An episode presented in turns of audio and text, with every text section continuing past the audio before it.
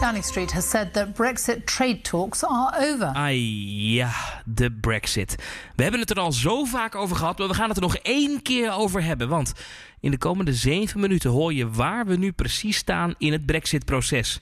Mijn naam is Thomas van Groningen en dit is een nieuwe helder. It's clear from the summit that after 45 years of membership, they are not willing, unless there's some fundamental change of approach, to offer this country the same terms as Canada.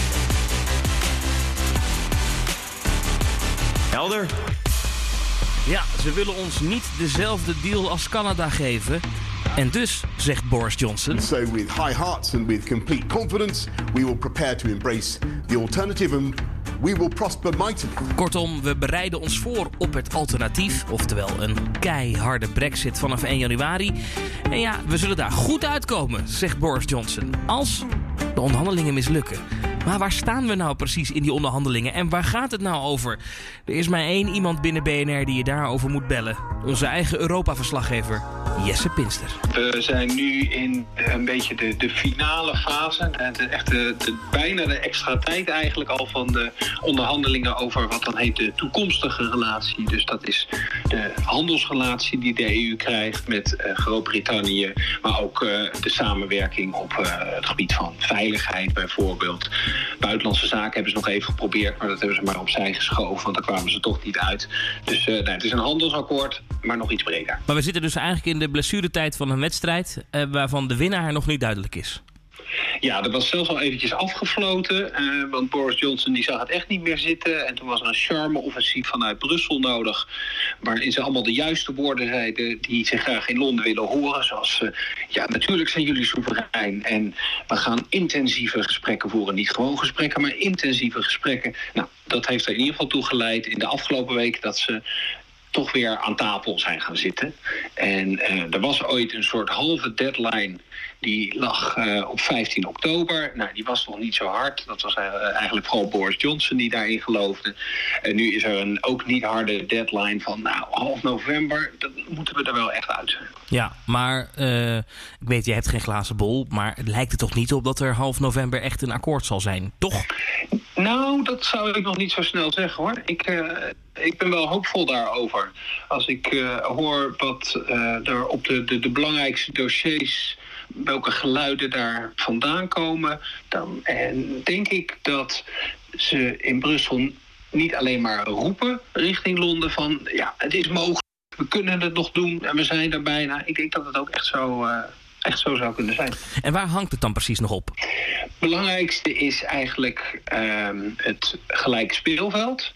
En daaraan verbonden staatssteun. Dus dat betekent eigenlijk Britse bedrijven die eh, straks misschien een handje geholpen worden, financieel wellicht geholpen worden vanuit Londen, vanuit de regering daar. Dat die niet een soort oneerlijke eh, ja, positie krijgen dat ze eh, nee, meer geld hebben, meer kunnen doen dan de bedrijven in Europa. Terwijl de handel eigenlijk nog steeds beide kanten op blijft gaan. Want dat is de inzet, dat er geen al te grote handelsbarrières komen. Ja, dan is, die, eh, is dat bedrijf in, in Groot-Brittannië in voordeel op de Europese. Nou, dat willen ze niet, dus daar moeten duidelijke afspraken over gemaakt worden. En kijk, je kan daar wel wat ruimte laten, maar dan moet je een soort van, ja, als je eh, eh, een, een, een geschillenbeslechtingssysteem bedenken. Dus als je het niet eens bent, dat je dan een manier hebt om dat met elkaar te bespreken en uiteindelijk daar uit te komen. Dus dat is een tweede punt, wat dus misschien nog wel belangrijker is, want als je dat goed regelt, ja, dan kan je de verschillende inzichten toch weer bij elkaar brengen uiteindelijk. En daarnaast, eh, ja, onvermijdelijk toch weer die vissen. Ah, de visserij. Daar zijn wij in Nederland ook nog wel afhankelijk van. Ja, en niet alleen Nederland, ook de Fransen, de Ieren, eh, die zijn daar eh, druk mee bezig. Europa heeft daar vrij hoog ingezet. Die hebben eigenlijk gezegd, we willen dat alles zo blijft als het is. Dus die, gewoon die vissers uit eh, van uh, IJmuiden, Texel, Scheveningen... die moeten gewoon de Britse wateren in kunnen, net zoals dat nu is. Nou, dat lijkt toch wel wat te hoog gegrepen te zijn. Ik hoor van diplomaten voorzichtig off the record. Al een beetje van... nou, ze moeten zich er wel op voor gaan bereiden, ze, de vissers... dat eh, ja, het eh, niet zo gaat blijven als het is... en eh, dat het wel een beetje pijn gaat doen... ter geruststelling, er is ook al in de nieuwe Europese begroting wat geld gereserveerd om nou, de grootste pijn weer een beetje weg te werken.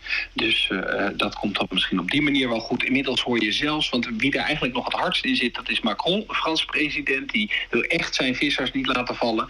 Maar dat is ook vooral een verhaal naar buiten. Want achter de schermen hoor je dat ook daar de Franse regering aan de Franse vissers nog aan het vragen is van jongens, oké, als het ietsje minder wordt, wat is, wat is acceptabel?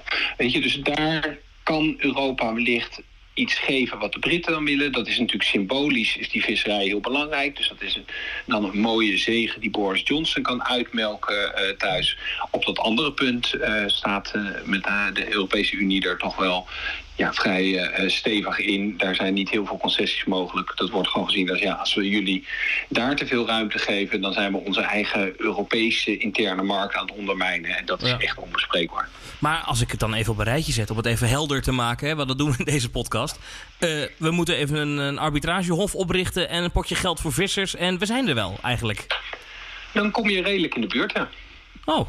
Uh, kijk, een probleem is dat er, dat er veel wantrouwen is tussen beide partijen. Dat heeft te maken ook met recente acties in Londen nog, waarin ze eigenlijk eerder gemaakte afspraken. Kijk, vorig jaar was er ook al een akkoord. Dat ging niet over de toekomstige relatie, dat ging over de scheiding. Nou, dat, uh, de afgelopen maanden heb je gezien dat de Britten toch weer aan, aan wetgeving werken, die eigenlijk dan die afspraak van een jaar geleden aan het ondermijnen zijn. Nou, dat zorgt ervoor dat er steeds minder vertrouwen in is.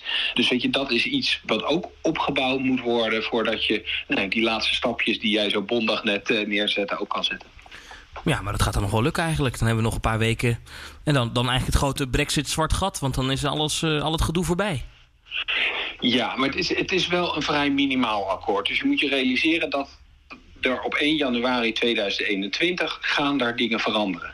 Gewoon sowieso. Of er nou wel of niet een akkoord is, hoe dat akkoord er nou precies uit gaat zien, daar gaan dingen veranderen. Dat je voor producten toch een soort uh, douanepapieren nodig hebt, om maar uh, iets te noemen. Dus uh, weet je.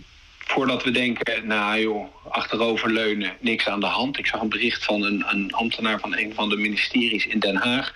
Die volgens mij op LinkedIn nou toch echt in, in hele duidelijke bewoordingen aangaf. Jongens, ga niet achteroverleunen. Want er gaan dingen veranderen, daar ga je last van hebben. En daar gaan bedrijven last van hebben uh, die met uh, Groot-Brittannië handelen. Dus bereid je daar uh, absoluut op voor. Ja, precies. Er zullen altijd dingen natuurlijk die nu nog niet te overzien zijn, die zullen veranderen waar je als bedrijf of als overheid rekening mee moet houden. Maar het, is, het politieke gesteggel houdt waarschijnlijk wel op straks. Ja, maar de, de, de brexit heeft natuurlijk ook alle ingrediënten om af en toe weer ineens uit de bocht te vliegen. je hebt, uh, ja. je hebt een, een Britse regering die zich toch vooral door, door nou laat ik het ideologie noemen, uh, laat zich daardoor drijven. Niet zozeer door hele praktische overwegingen van wat is nou het slimste om af te spreken. Weet je, het, ik noemde het woord autonomie al even. Weet je, dat is een soort vaag begrip, maar dat is het belangrijkste wat er lijkt te zijn in Downing Street 10 bij Boris Johnson. Dus dat is lastig zelfs als er een akkoord is, moet het Europees Parlement er nog mee instemmen. Ik, daar maak ik me niet zo zorgen over. Maar het zal ook weer goedgekeurd moeten worden door het parlement in Londen. Nou, daar hebben we ook vanuit vorig jaar en daarvoor al wat ervaring mee. Ai. Dat wil nog wel eens lastig zijn. Dat wil nog wel moeilijk worden, ja. Met de kanttekening dat Boris Johnson nu wel, na de verkiezingen van vorig jaar december, een uh, grote meerderheid heeft in het uh, lage huis. Dus dat maakt het weer iets makkelijker. Helder? Ja, nou, ik vond dat echt helder. Soms is het zo makkelijk, dit soort dingen. Gewoon Jesse Pinster, onze Europa-verslaggever, die gewoon alles even op een rijtje zet. Nou, dit en dit is er nodig, dit en dit gaat het nog over en dit en dit moet je nog weten. Nou, dat heb je nu in de afgelopen zeven minuten gewoon op je bord gehad. Fijn. Dat was de helder voor deze week. Uh, ja, jongens, abonneer nou gewoon. En volgende week zijn we er weer. Tot dan.